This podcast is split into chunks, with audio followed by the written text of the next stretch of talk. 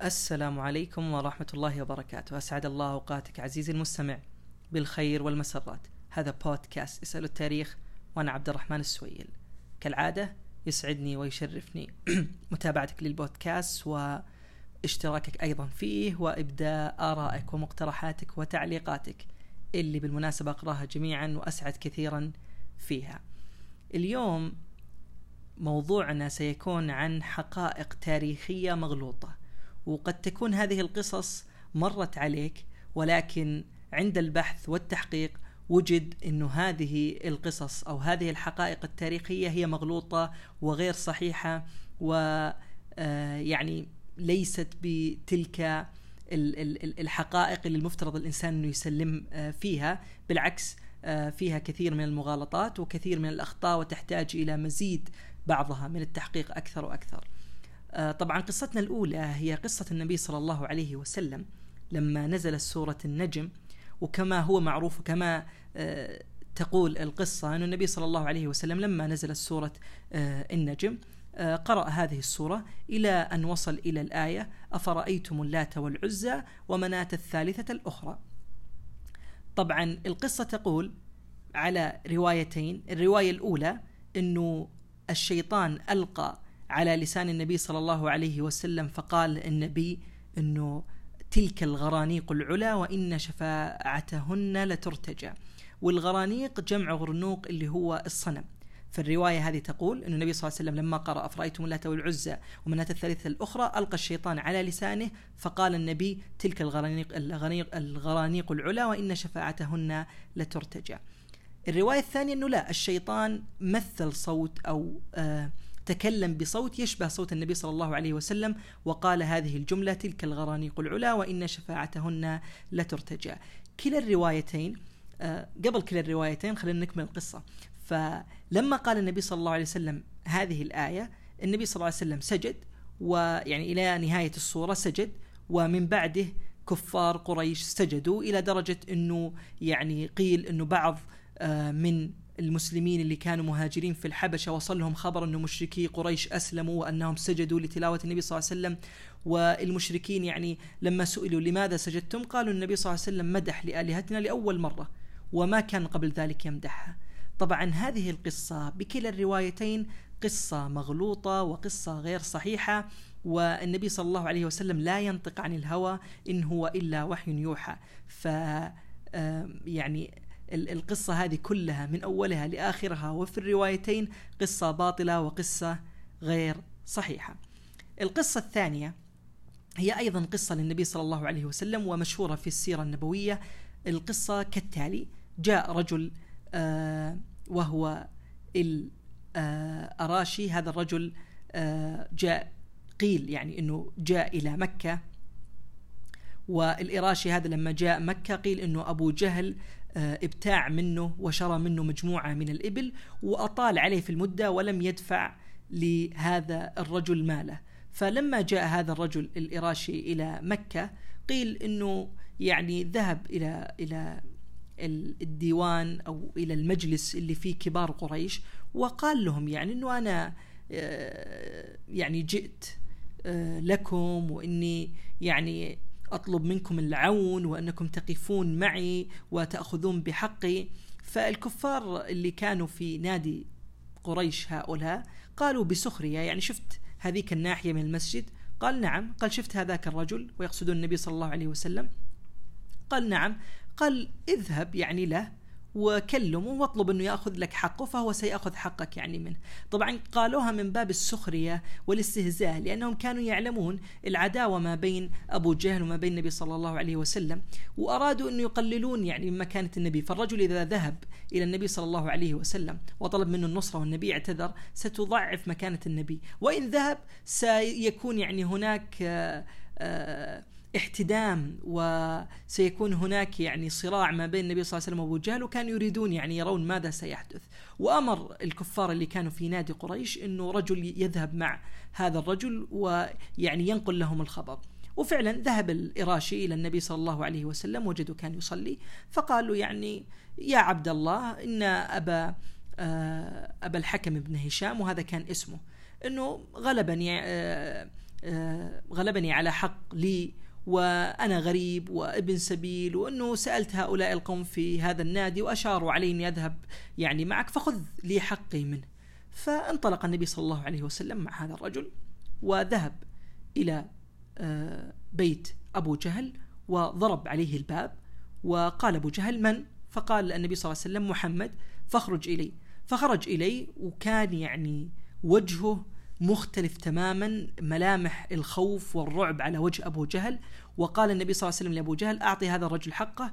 فقال أبو جهل مباشرة نعم لا تبرح حتى أعطيه الذي له. يعني ما حتروح إلا وأنا أعطيته. فعلا دخل أبو جهل وأخذ المال ودفعه إلى هذا الرجل فانصرف هذا الرجل وقال يعني آه, آه، الإراشي لما يعني ذهب إلى إلى الكفار قريش اللي كانوا في المجلس إنه يعني جزاكم الله خير إنه أرسلتوني إلى هذا الرجل اللي أخذ حقي.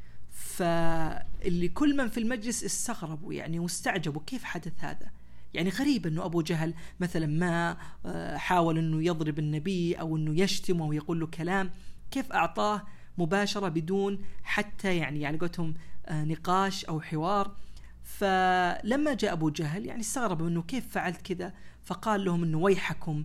يعني لما ضرب علي الباب جاءني يعني سمعت صوته جاءني خوف وملئت رعب ولما خرجت رأيت فوق رأسه فحل من الإبل. ما رأيت أبدا مثله كان مخيف ولو ما أعطيته لأكلني هذا الفحل من الإبل. طبعا يعني كما قلنا وكما هو واضح في العنوان هذه القصة أيضا غير صحيحة. القصة التالية واللي هي أيضا قصة غير صحيحة وحقيقة مغلوطة هي قصة مشهورة جدا أنه في زمن عمر بن عبد العزيز آه، كان يعني لما وزعت الصدقات والزكاة على المسلمين لم يجدوا من يأخذها فأخذت ويعني اشتروا بها آه، أو أو أخذوا هذه الصدقات ونثروها على الجبال حتى تأكلها الطير يعني بأمر من عمر بن عبد العزيز. طبعا هذه القصة قصة غير صحيحة وقصة غير واقعية ويعني صعب جدا حتى الإنسان أنه يقبل فيها لأنه لا يوجد زمن في أي زمن من الأزمان إلا يوجد الغني والفقير وهذه سنة الله في أرضه. يعني الله سبحانه وتعالى جعل سنن في هذه الأرض. وفي القرآن آه نسيت الآية ولكن آه، معنى الآية أن الله سخر بعضنا لبعض فبالتالي توجد مراتب أدنى ومراتب عليا منا فكلنا مسخر للآخر. ومن ضمن هذه الأشياء هي التفاوت في الطبقات فهذه سنة الله آه، في أرضه وجود الغني وأيضا وجود الفقير ويعني ما حدثت هذه في عهد النبي صلى الله عليه وسلم ولا الخلفاء الراشدين فكيف تحدث في أيضا زمن عمر بن عبد العزيز فالقصة هذه من أولها إلى آخرها غير صحيحة وغير آه، يعني واقعية.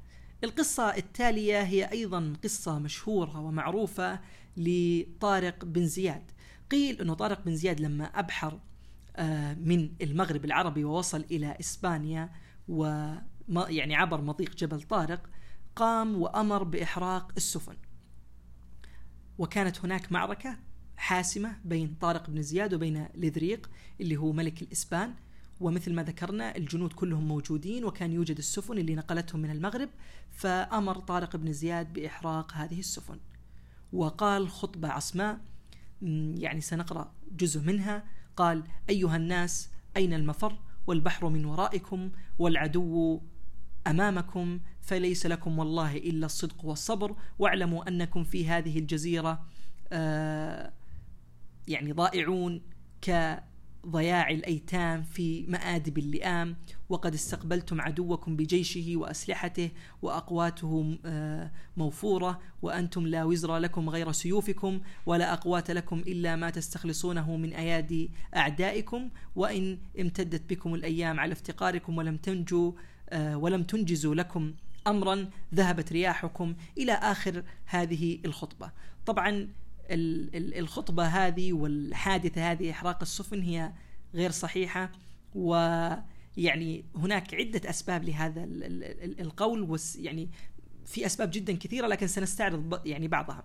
أول شيء ال- الذي يقرأ الخطبة يرى إنه فيها فصاحة جدا عالية، وهذه الفصاحة تستغرب من طارق بن زياد لأنه أصله بربري، وكما هو معلوم اللغة العربية لغة يعني صعبة جدا ولغة أيضا يعني ليست بسهولة إنه الإنسان يكون فيها بهذه الفصاحة، ويعني يعني لنضع في الحسبان إنه في خلفاء عرب ويعني مثل الوليد بن عبد الملك هو خليفة عربي ومعروف ولكن آه، لم يكن ابدا آه، كما هو مشاع يعني لغته العربية سليمة بل كان عنده لحن في اللغة وكان يخطئ فما بالك بالبربر؟ فبالتالي هذه الخطبة يصعب أنها تكون من طارق بن زياد.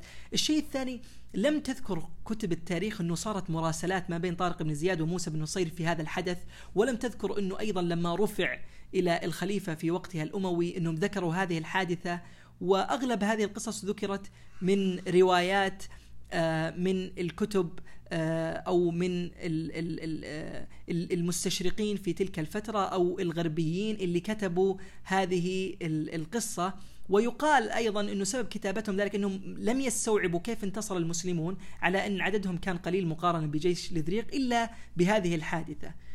طبعا مثل ما ذكرنا هي حادثة غير صحيحة ولم تكن يعني حادثة قد وقعت قبل ذلك. القصة التالية هي قصة وهي قصة يعني مشهورة جدا ومعروفة يمكن عند الأغلب هي قصة سقوط التفاحة على رأس نيوتن وأنه بسببها يعني أتت نظرية الجاذبية.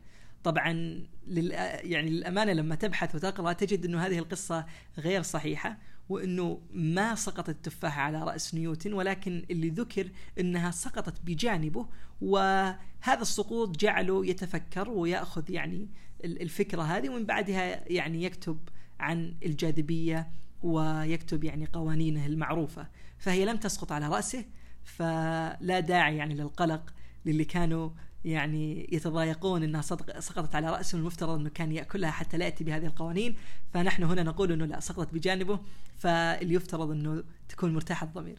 القصة التالية أيضا أو هي برضو قصتنا القبل الأخيرة هي قصة معروفة أيضا مشهورة لماريا أنطوانيت وهي زوجة لويس السادس عشر آخر آه، الملوك الفرنسيين يعني تروى هذه القصة أنه لما كان الشعب يتظاهر وفي مظاهرات عارمة في باريس ويعني أصواتهم علت وكانوا حول القصر. فقالت لهم ماري أنطوانيت يعني ماذا يريد لما سألت حراسها فقالوا يعني إنهم يطالبون بالخبز يعني يريدون إنهم يأكلون الخبز يعني هذه كل ثورتهم. فقالت لهم ماريا أنطوانيت اذا آه، دعهم يأكلون الكعك. ف يعني قصة يعني مشهورة ومعروفة وأكون صادق معكم أنا أيضا يعني كنت أعتقد إنه هذه القصة صحيحة وكنت يعني أستشهد فيها في في يعني مواقف كثيرة. واستشهادي كان مع إنه هذا استطراد لكن ما في مشكلة استشهادي كان في بعض الأحيان إنه صعب إنك يعني تحدث أحد أو تكلم أحد وهو مفاهيمه مختلفة عن مفاهيمك. فلما الناس كانوا يطالبون بالخبز والجوع وما والفقر اللي هم فيه ولا يجدون خبز فهي تقول يعني اذا ليأكلون الكعك. فواضح إنه المفاهيم اللي عندها مختلفة. واضح انها مفهوم الجوع والفقر مو موجود عندها لذلك قالت هذه الكلمة. فكان هذا باب استشهادي ولكن مثل ما ذكرنا اتضح أن هذه القصة غير صحيحة وأنها لم تقل آه هذه الكلمة وأن هذه القصة مكذوبة آه عليها. فيعني استفدنا جميعا أن هذه القصة غير صحيحة. القصة الأخيرة عندنا هي قصة أينشتاين. والقصة تقول أنه أينشتاين كان فاشل في الرياضيات وطبعا آه، كما هو معروف إنه قد يكون أينشتاين تأخر في الدراسة وإنه كان يعني من ناحية اجتماعية وضعه كان شوية مخ يعني مختلف وإنه قد يكون أيضا فعلا كان بطيء في التحدث ولكن درجاته في في في الدراسة كانت جدا عالية وإنه لم يعني يفشل في امتحانات القبول بالعكس كان هو مميز وأيضا كان من ناحية دراسية جدا ممتاز وأيضا خصوصا في الرياضيات فهو كان جدا متميز فيها ونجح في هذا القسم. وقيل إنه يعني في عمر خمسة يعني 15 سنة أتقن التفاضل والتكامل. فكل هذه القصص توحي إلى إنه أينشتاين بالعكس كان ذكي جدا ولم يكن فاشل في الرياضيات كما أشيع عنه. إلى هنا عزيزي المستمع تنتهي قصتنا وتنتهي حكايتنا لهذا اليوم. أستودعك الله الذي لا تضيع. الذي لا تضيع ودائعه. كن بخير. في أمان الله.